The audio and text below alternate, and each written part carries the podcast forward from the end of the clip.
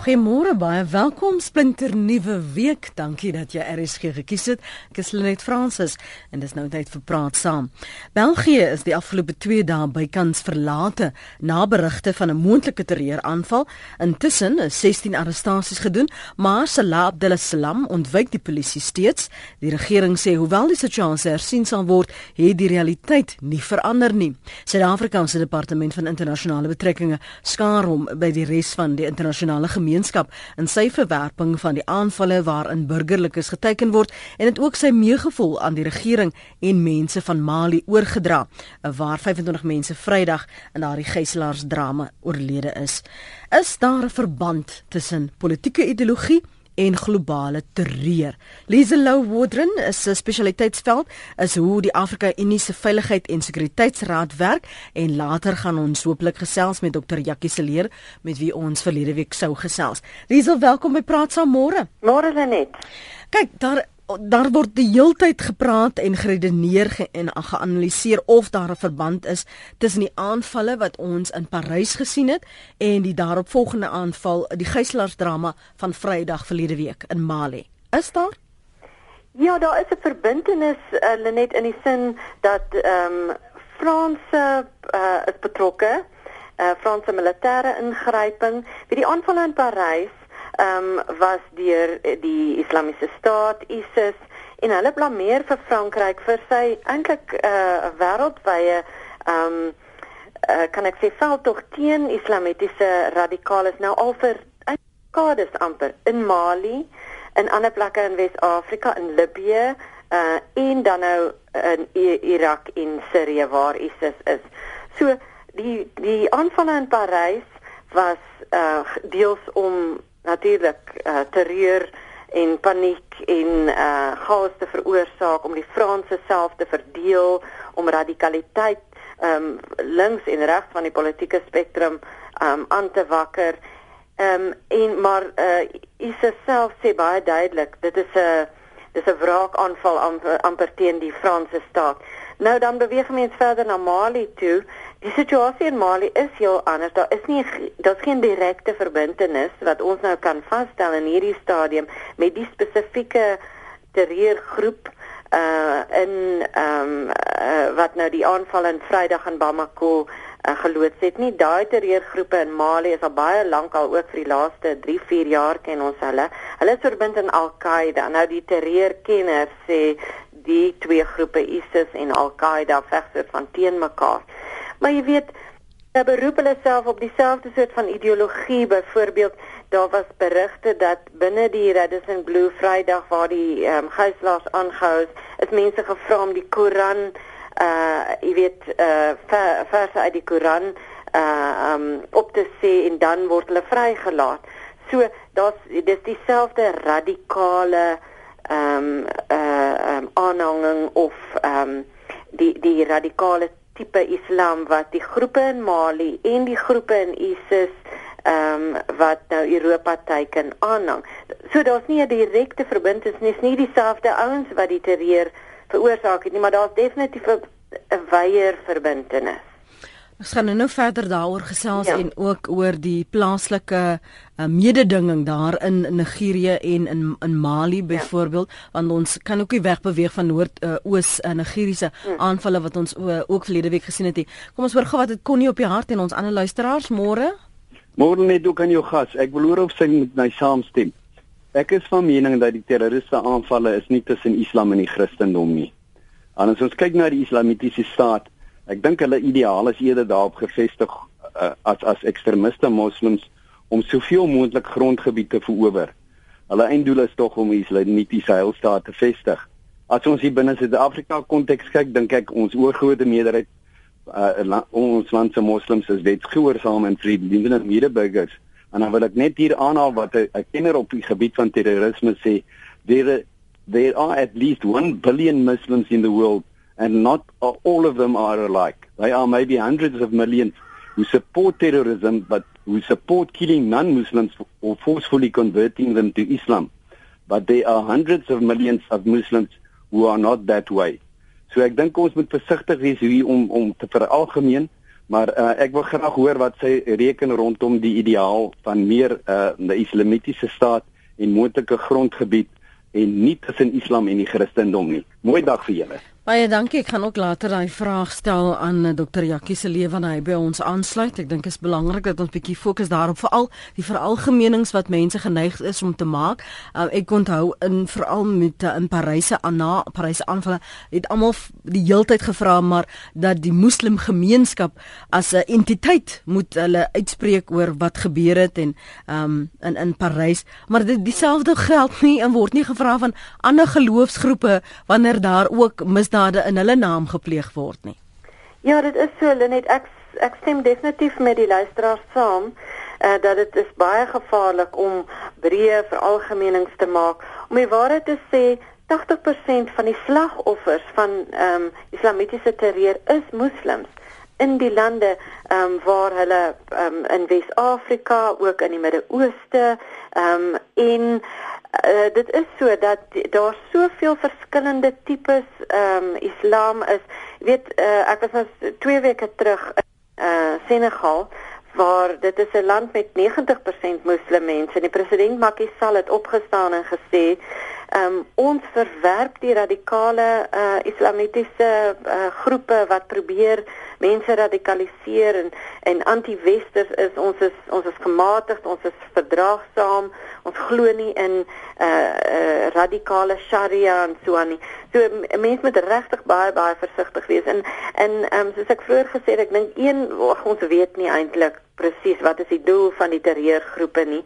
Uh, maar maar definitief een van die uh um redes waarom hulle so half in populêre plekke um inval en en aanvalle loods is om gewone mense teen mekaar op te steek. Jy weet sodat jy in 'n stad soos Frankryk um gematigde sekulêre mense nou glad nie noodwendig Christene om die waarheid te sê die Europeërs is maar um baie uh, min van hulle gaan kerk toe eintlik en so aan. Um mag dat gewone mense dan nou gaan moslems teiken en dat jy nou daai war on terror soos ons gekry het mense sal onthou in die vroeg uh, 2000s jy weet dat enige ou met 'n baard wat by 'n lughawe aankom word nou geteiken as 'n ekstremistiese moslim terrorist en uh, in die tronk gegooi en daai daai soort van ehm um, praktyke en regerings wat net so ehm um, moslems deur die bank teiken dit spesifiek ehm um, is een lei tot radikalisering. Jackie sal nou miskien later ook daaroor praat want die ESS het spesifiek studies gedoen oor wat lei jong mense tot uh radikalisering dat hulle aansluit by groepe soos Al-Shabaab en so aan in Somalië en dis juist dit wanneer hulle familielede of hulle eie imam of hulle self onregverdig behandel word in die tronk gestop word.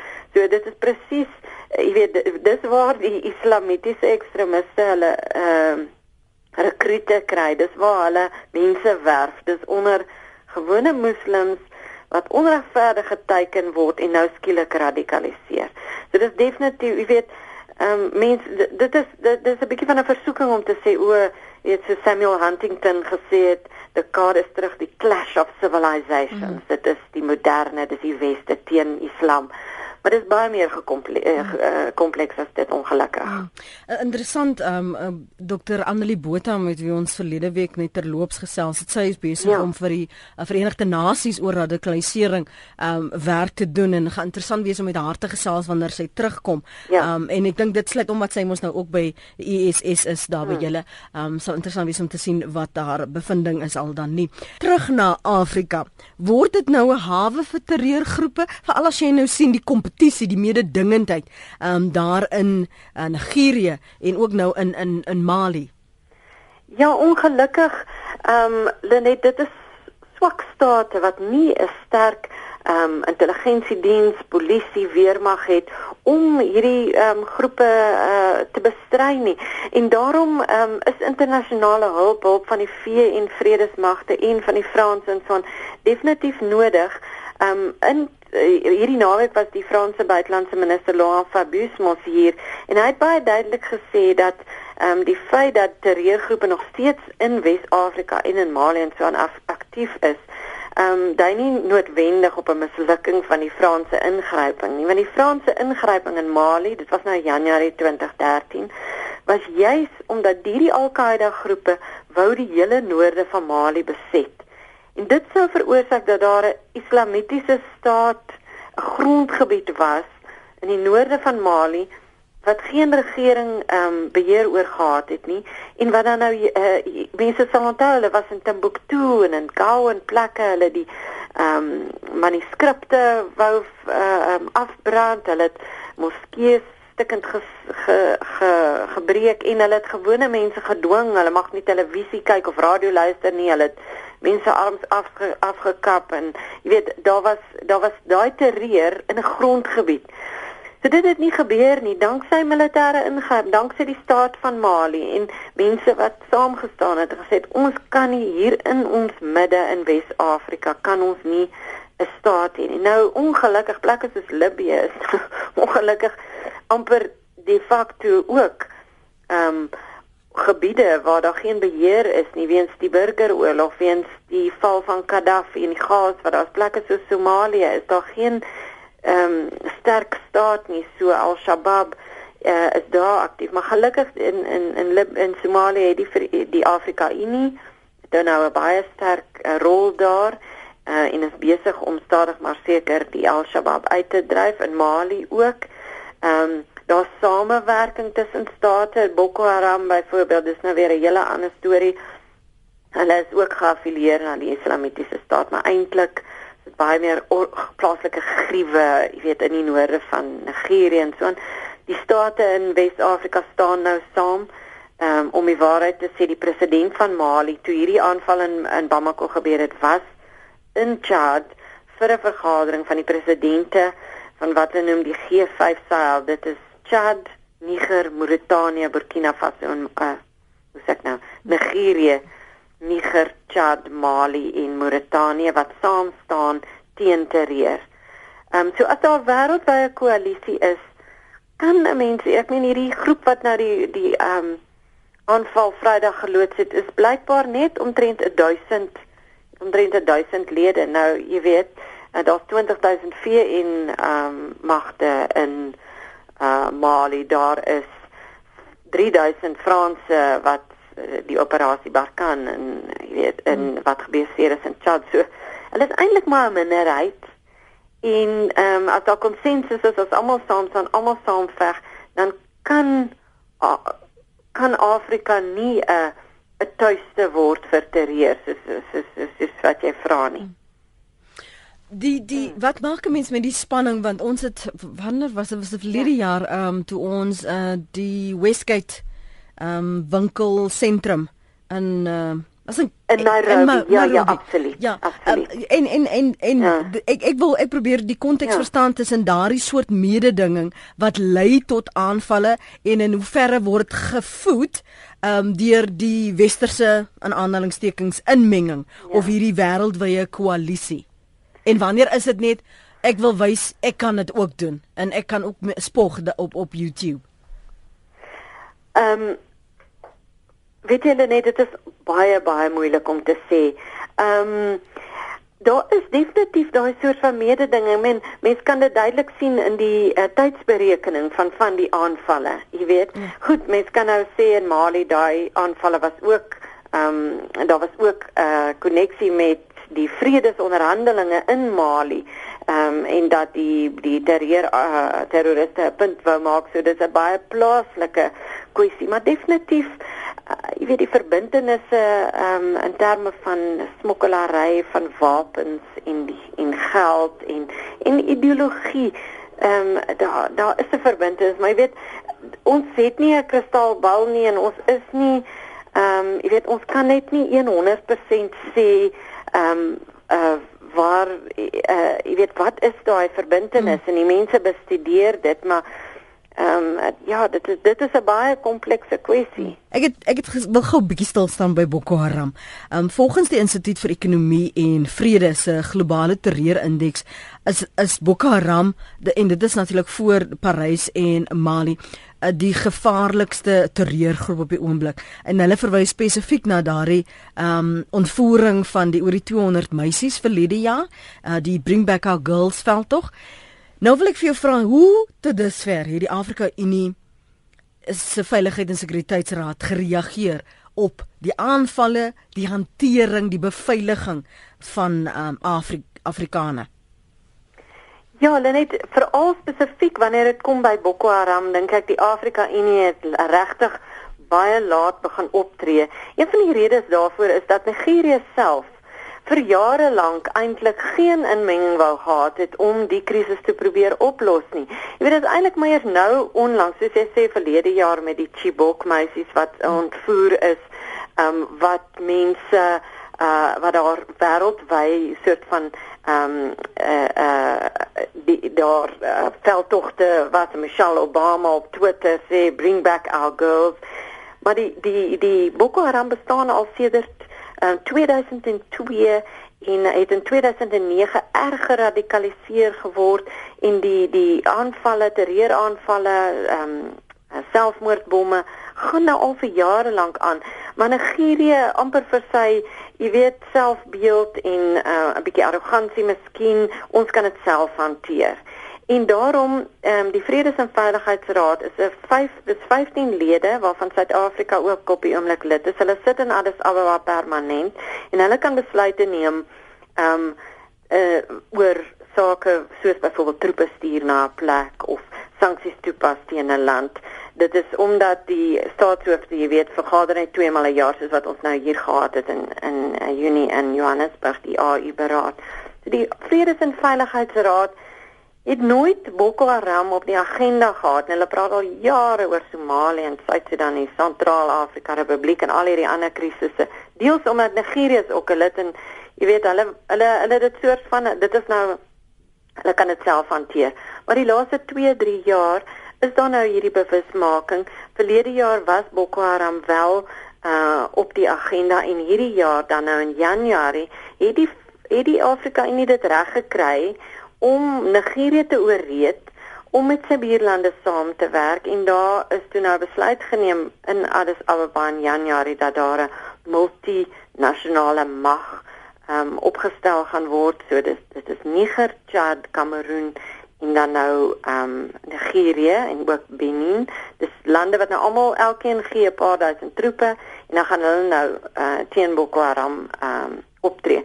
Jy weet die Afrika Unie het nie geld nie so nou die VN gevra om ehm uh, dit te finansier en die geld is dit kom nou nog nie eintlik deur nie, maar stadig maar seker die Amerikaners is daar met opleiding, die Franse gee ook vliegtye en so aan.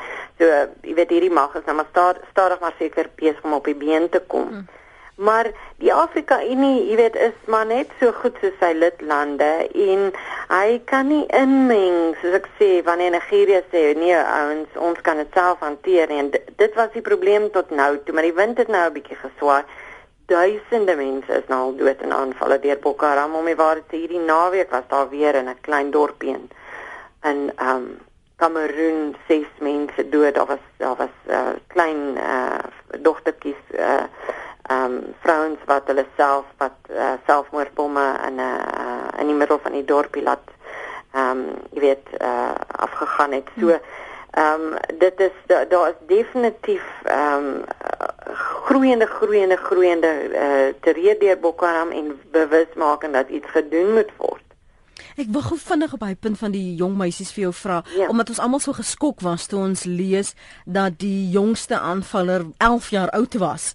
Ja. Ehm um, ek dink ek weet nie of dit in Jalo was of of in in die ander uh, wat is die ander plek se naam? Kano dink ek. Ehm um, ja. maar maar die die ouderdom. Ehm um, en en gaan dit oor ek doen dit uit vrees of ek doen dit omdat ek dit glo. Het jy enigste insig oor oor daardie aspek die motivering daar agter? Ja, weet jy mens kan net spekuleer. Natuurlik ehm um, is baie van die ehm um, mense en jong mense en kinders wat deur Boko Haram ehm um, gijslaar geneem word. Hulle word gebreinspoel en hulle is in elk geval kom uit 'n streek van groot armoede. Mense het baie lae vlakke van uh opvoeding uh en so en so veral jong werkloses um, word gebreinspoel dan nou net soos wat die ISIS uh um rekrute ook gebreinspoel word om uh om deel te neem aan geweld en dan nou kan sy weet um sal daar sal hulle eendag aan die hiernamaals daarvoor beloon word of weet volgens daai soort van radikale ideologie. Hmm. Ehm um, maar die jong die vrouens en die jong meisies wat ons sien hier in in markte en soos jy sê daar was verlede week ook in Kano was daar 'n aanval. Ehm um, dit kan wees dit dit kan wees dat dit selfs van die Chibok meisies wat in April 2014 al gevange geneem is wat nou deur ehm um, Boko Haram gebruik word. Dit is te aaklig om selfs daaraan te te dink en daaroor te spekuleer, maar weet waar is hulle? Dit is nou so lank gelede al dat dit gebeur het. Ehm um, die hierdie Afrika Unie magte het sedertdien etlike honderde gijslaers vrygelaat elke keer wanneer hulle nou aanval oor Boko Haram. Maar dit is baie moeilik om te sê waar is daai waar is daai spesifieke groep van 276 ehm um, jy weet ja. meisies wat wat in hulle skool gevange geneem is. Ja. Waar is hulle? Goeie vraag. Anoniem is uh, op die lyn van Durban wil môre. Goeiemôre Lenet. Môre. Uh dit is 'n interessante program omdat ek in die goed belangstel hmm. as teoloog.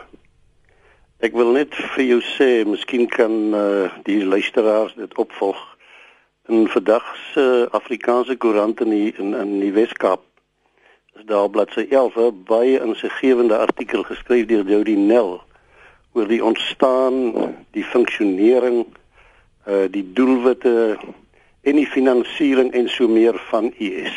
Mm. Ek wil maar net die inligting deurgee. Ja.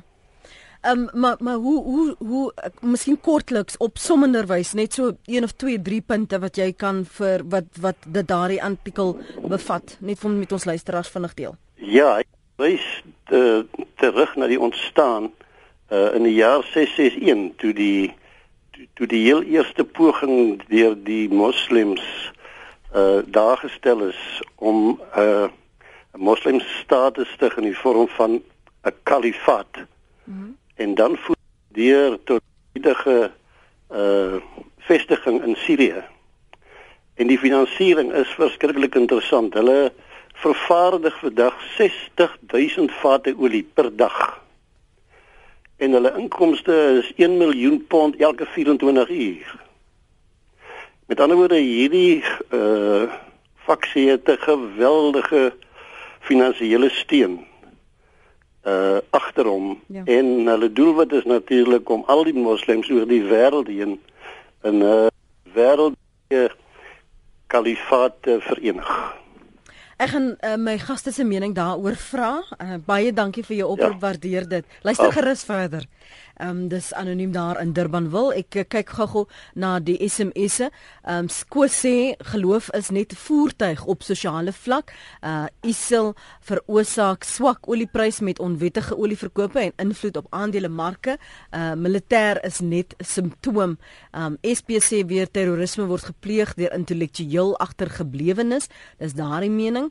En nog 'n luisteraar sê Fred en ek dink Fred ons ek gaan dit parkeer juis vir uh, eh, Dr. Jakkie Silje vanoggend word die Sunni Shiitiese stryd onder die moslimgroeperings nie onderskat nie. Ons gaan naby stil staan. Maar kom ek hoor en verwelkom eers gou vir Dr. Jakkie Silje, hy is direkteur by die Instituut vir Sekuriteitsstudies. Goeiemôre Dr. Silje, dankie vir jou tyd vanoggend, waardeer dit. Goeiemôre Liesel, dis goed om by julle te wees. Ek ek weet nie of jy kon hoor uh, na aanleiding van wat ons luisteraar die laaste inbeller gesê het nie dat dit eintlik gaan oor 'n kalifaat, die ontstaan en die finansiering van ehm um, van is uh, IS Islamitiese staat. Baie van die luisteraars se SMS'e strek ook oor waar kom die geld vandaan. Miskien enkele kommentare, punte daaroor? Uh, Liesel, dankie. Ek het die laaste gedeelte gehoor. Ehm um, uh, kyk diep binne in wat in in Sirië aan die gang is en in in Irak aan die gang is is hierdie storie rondom die kalifaat. Storie dis nie 'n storie nie. Dit is die her die her uh the recreation van die kalifaat van wat eeue gelede en wat ons met te doen het is natuurlik 'n verwronging van uh van Islam. Uh, maar dit is 'n baie sterk tendens binne in Islam waar uh, daar jy weet daar is honderde uh kerke en so aan wat uh besig is om hierdie gevaarlike filosofie uit te dra.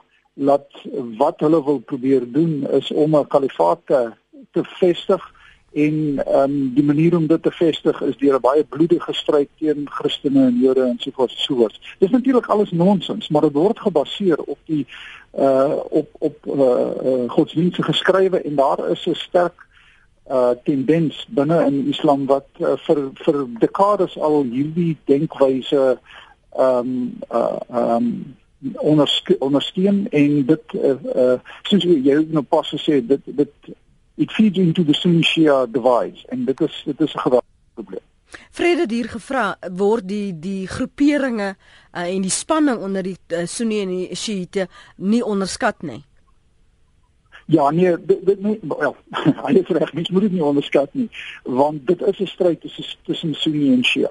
Hmm. En uh, ongelukkig wat gebeur het is dat uh uh Islamitiese staat ehm um, word uh, gesien as wat hulle beskerming gee aan een groepering ten gunste van 'n ander groepering. Hulle gee veiligheid uh vir vir 'n groepering en dit is uh, dit is baie gevaarlik want dit word 'n stryd binne in Islam. Uh natuurlik dit uh, wat dit doen is dit uh, doen afbreek aan die aan die islamitiese staat se uh, uh uh so oproep dat hulle verteenwoordig alle moslems. Dit is natuurlik absoluut nonsens. Hulle hulle verteenwoordig uh, niemand behalwe hulle eie bloeddorstige uh uh uh ideologie nie, maar um, baie mense glo dat dit is uh, die tipe ehm um, beskerming wat hulle gee.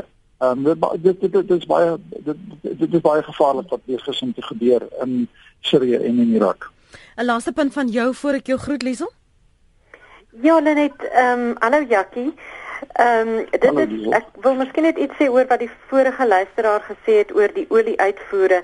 Ehm um, in Wes-Afrika in elk geval sien mense baie nou verbind is dis verbintenis tussen kriminele netwerke wat oor landsgrense heen ehm um, uh, wapens dwelms uh, dikwels smokkel um, in rein uh, in ruil dan vir finansiering vir hulle uh, terreurveldtogte regdeur uh, Wes-Afrika tot in Libië ehm um, soos ons vroeër gesê het wat in gas uh, verval het. So daai die ehm um, die die religieuse islamitiese radikale ideologie en die hele kwessie van die kalifaat ehm um, word gebruik om uh, mense in te trek in netwerke wat uiteindelik of ehm um, oor die oorgrote meerderheid in elk geval in plekke soos die noorde van Mali, deur die Sahara, uh daai netwerke is is kriminele netwerke. Hmm.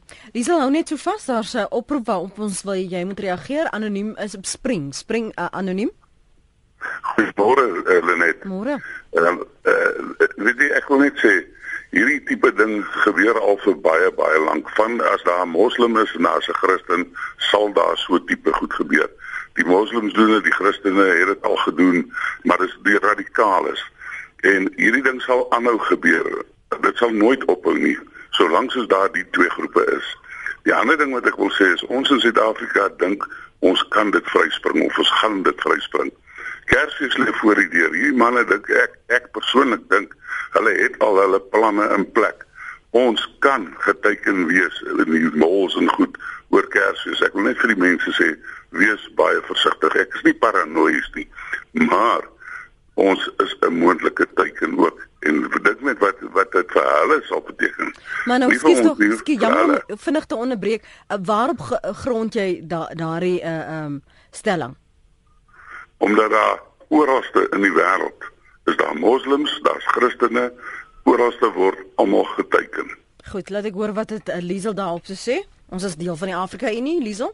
Ja, dit is ehm um, dit is 'n komplekse saak soos ek vroeër gesê het. Ek dink dis duidelik dat 80% van die slagoffers van terreur in die wêreld vandag is self moslems, gematigde moslems wat net eenvoudig ehm um, vreedsaam wil wil en verdraagsaam wil lewe saam met ander mense, ander gelowe, Jode, Christene.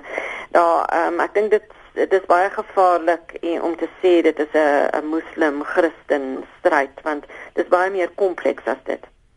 Baie dankie vir jou bydrae vanoggend Liesel, waardeer dit.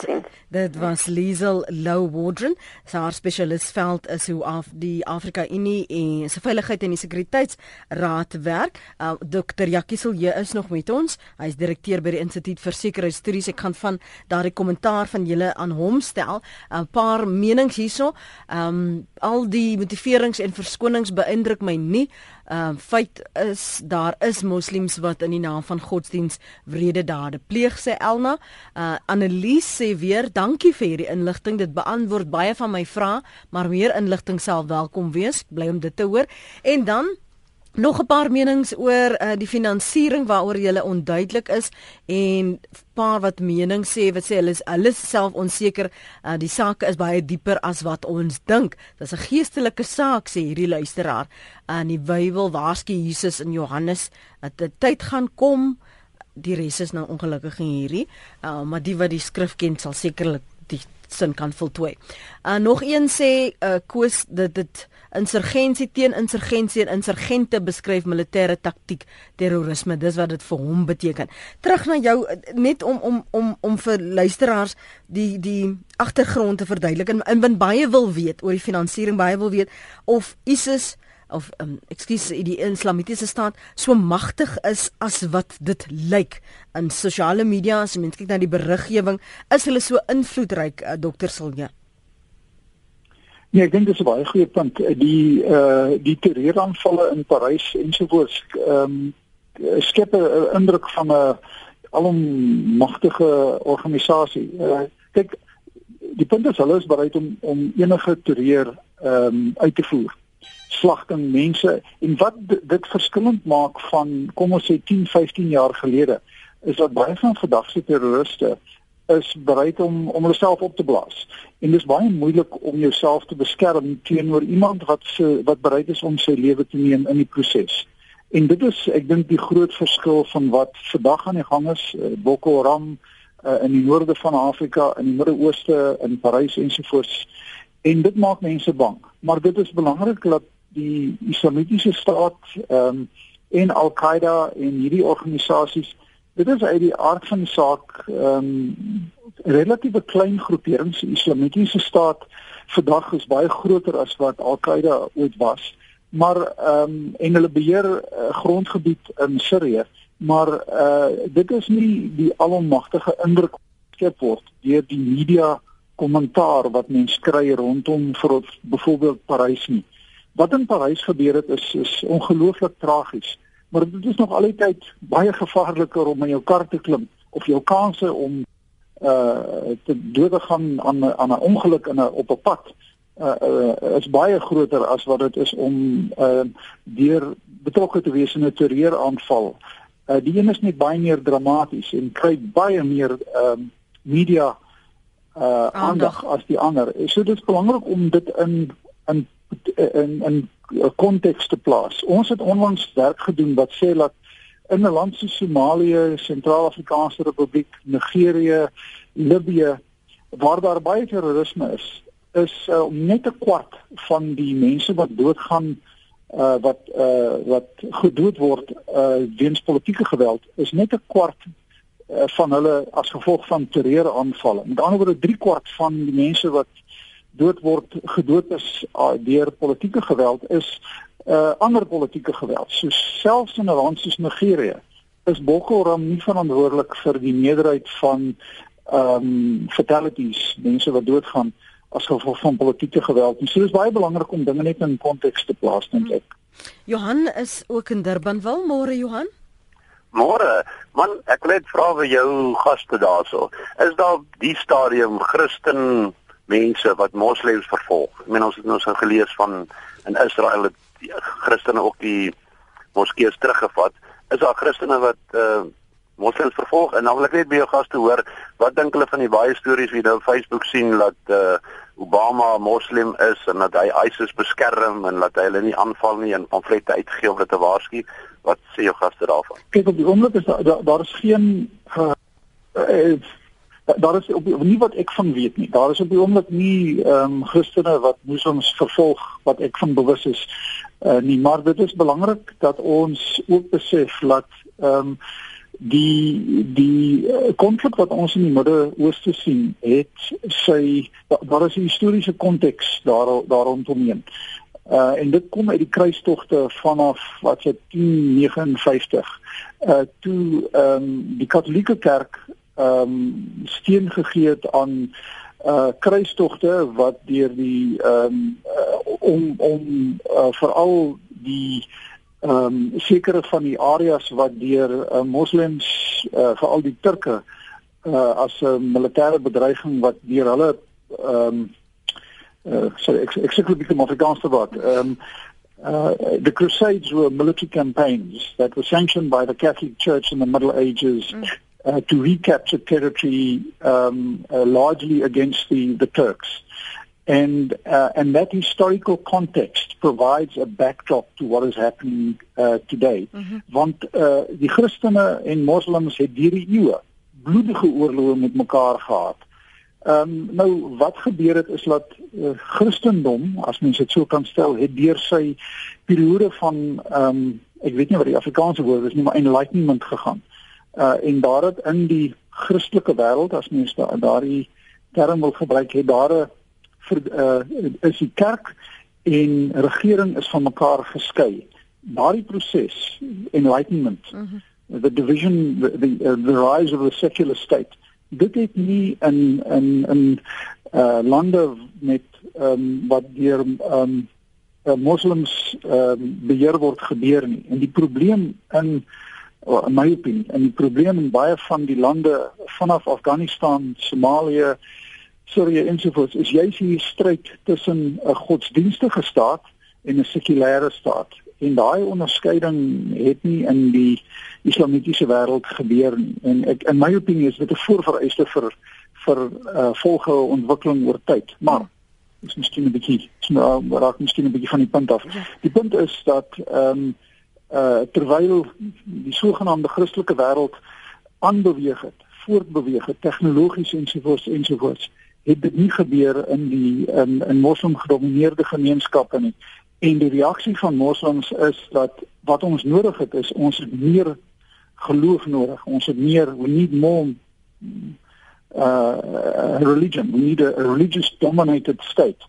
In die uh, ervaring van in in baie van die Christelike lande, Europa ensovoorts is dat ons het 'n onderskeid, 'n skeiding nodig tussen die kerk en die staat.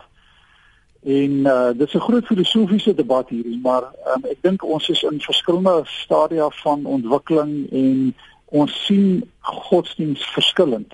Christelike uh, die Christendom en die moslimwêreld sien godsdiens dink ek in baie opsigte hmm die rol van godsdienst in die staat heeltemal anders. Vir, vir, so vir, vir baie mense, ek skuis ook Jackie om jou te onderbreek, vir baie mense sien ja. sien dit as veral as hulle hulle self as gelowig beskou, sien hulle dit as 'n teken van die eindtye en hulle sien dit as 'n 'n ja. geestelike oorlog, 'n spirituele oorlog soos een 'n persoon daarna ja. verwys het. Ek en gepraat oor oor dit. Ons ons probeer vanoggend uitvind of daar 'n verband tussen die politieke ideologie is en en globale terreur en ek weet die luisteraar het gesê hy sien goed op Facebook, op sosiale media media wat impliseer ons moet ook nie vergeet nie daar's 'n uh, politieke daar's 'n verkiesing aan die gang in Amerika 'n uh, 'n uh, uh, kandidate ja. wat hulle self posisioneer. 'n Mens moet dit nie vergeet nie. Uh, ek wil net op, op die punt van die FSA vir jou tog vra. Amerika is verdeeld oor hoeveel ehm um, ehm um, migrante hulle moet toelaat uh, uh, binne hulle grense en daar is baie verdeeldheid oor hoeveel en van waar en daar is sommige wat self sê ons moet 'n keuringsproses, 'n wettingproses aan die gang hê wat deur die die FBI byvoorbeeld um gelei word om seker te maak dat die veiligheid van die burgers aan die einde van die dag die die die die, die hoogste tel. Is dit ja. verstaanbaar ja. daardie soort uh, bekommernisse uh, of of is ons net besig om weer 'n siklus te skep van hulle en ons want dit is ook van die onderliggende redes in spanning wat ander kenners weer sê lei tot hierdie uh, uh, aanvalle. Ja, jy jy sien baie goeie uiteensetting van die die die die, die problematiek wat uh nie net in Amerika maar ook in Europa uh die probleem is nie. En die problematiek van waar moet on, ons moet kyk beide Europa en ehm um, Amerika is immigrante gemeenskappe. Maar die ehm um, hulle is dominant uh histories uh is hulle godsdienstige oriëntasie um, Christelik en die die debat is gegee hierdie geskiedenis wat ek nou net geskets het van uh die kruistogte en sovoorts en sovoorts. Ehm um, is daar hierdie en, en die feit dat Europa veral deur die eeue heen geweldige oorlog teen die moslems geveg het in die moslems teen Europa. Daar is hierdie historiese konteks want in die in die uh, in die huidige wêreld is dit so dat uh, veral Europa sukkel om moslim immigrante te integreer in hulle gemeenskap veral jou tweede generasie, ehm um, ander woorde die kinders van immigrante voel baie keer geïsoleerd en dit is eintlik die probleem. Ehm um, dit is 'n probleem in Amerika en dit is 'n probleem uh, veral in Europa. Amerika was baie meer uh suksesvol om immigrante te integreer in die mengelmoes wat uh, Amerika vandag is. Ehm um, Europa is baie meer onsuksesvol om veral moslems uh te integreer in uh in Europa van vandag.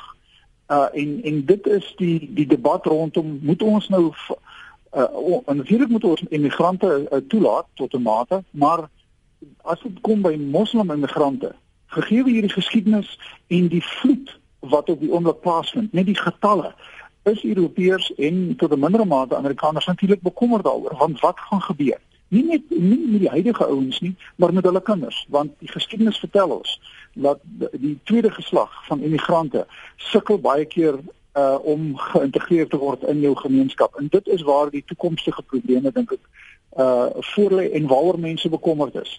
Hmm. Hoe hoe moet 'n mens kan jy jouself voldoende werklik staal voorberei. Um, ons sien al hierdie koalisies en dat die antwoord tot dusver net 'n militêre antwoord was is dit die enigste opsies? Is daar alternatiewe wat lande nie ondersoek nie want mense doen wat hulle die beste ken? Kyk, die militêre reaksie teenoor wat op die oomblik gebeur het, is ongelukkig iets wat by die Amerikaners ehm um, uh the, the, the Americans have been a major proponent of the, the militarized war against terrorism. En terrorisme in my opinie moet hanteer word as 'n kriminele oortreding, nie as 'n politieke uh uh um uh, uh as essentially politically want ja. wat Amerika doen is hy vat 'n hamer en hy probeer 'n hoofpyn met 'n hamer adresseer. En uh elke keer wat gebeur het um met nou as gevolg van Amerikaanse inmenging is dat die probleem net groter word. Um jy kan kyk na die oorsprong van die migrante wat op die oomblik byvoorbeeld na Europa toe stroom. Hulle is almal Hulle kom almal uit lande waarop een of ander stadium die Amerikaners 'n rol gespeel het om te probeer om 'n hamer te bring na 'n probleem wat 'n hoofpyn is. Ehm um, daar is 'n sekere stadium waar terreur, byvoorbeeld die Islamitiese staat, wat jy militêre optrede teenoor hulle moet neem. Maar dit is uh eerstens moet dit as 'n kriminele probleem geadresseer word. Maar, uh, maar ek dink die vraag wat jy vra gaan rondom wat die teenmaatreëls is en Uh dit is godsdiens waarvan ons praat. Dit is uh lê baie naby aan die hart van miljoene mense. En ehm um, dit is iets wat geadresseer moet word binne in Islam deur uh die ideologie uh deur die wat in die mosks uh uitgedra word en en Islam moet ehm um, moet hierdie probleem konfronteer en dit adresseer. Hierdie probleem die islamitiese staat en en radikale ehm um, uh, radikale islam kom nie uit nêrens nie. Dit hoofsaaklik kom weens die gebrek aan politieke spasie wat daar is in 'n land soos Saudi-Arabië. Sedert 1973 is die uitvoer van uh radikale islam hoofsaaklik befonds deur Saudi-Arabië en dit word befonds deur Saudi-Arabië as 'n manier vir die ehm um, uh, uh vir die uh, leiers van Saudi-Arabië, sogenaamde House of Saud, to, to stay in power. En hulle voer radikalisering uit uh as 'n manier om binne in Saudi-Arabië en ons praat van honderde biljoene dollar wat gespandeer is in Saudi-Arabië vanaf 1973 om radi radikale islam uit te voer as 'n manier om self aan bewind te bly. Uh en, en dit is waar hierdie probleem, dit is die oliekrisis wat hierdie geweldige ehm um, geld voorsien het wat gelei het tot die gebruik veral van die die uh, Muslim Brotherhood en ander uh, organisasies om uh radikale islam uh uit te voer en dit is die probleem wat ons mee mee sit. Die gebrek aan aan politieke ruimte binne in 'n land soos Saudi-Arabië ehm um, het 'n uh, kanker veroorsaak wat gelei het tot baie van die probleme wat ons sien in die wêreld en uh, in, in die moslimwêreld en dit is gedoen deur die geld vanaf die oliekrisis. Hmm jammer lang storie. Ja, meneer, interessant. Ek ek eh, soos die een analise dink ek gesê het eh, baie dankie vir die inligting. Dankie vir die agtergrond vanoggend. Jakies waardeer dit. 'n Mooi dag verder vir jou. Ehm um, ons het nog nie klaar gepraat, duidelik nie klaar gepraat nie. Daar's nog baie om te sê, daar's nog baie om oor te besin. Uh dankie vir jou deelname vanoggend hier aan Praat Saam, jou SMS'e en jou terugvoer op ons e-pos. Uh, dit was Dr. Jakie Silje, direkteur by die Instituut vir Sekuriteitsstudies.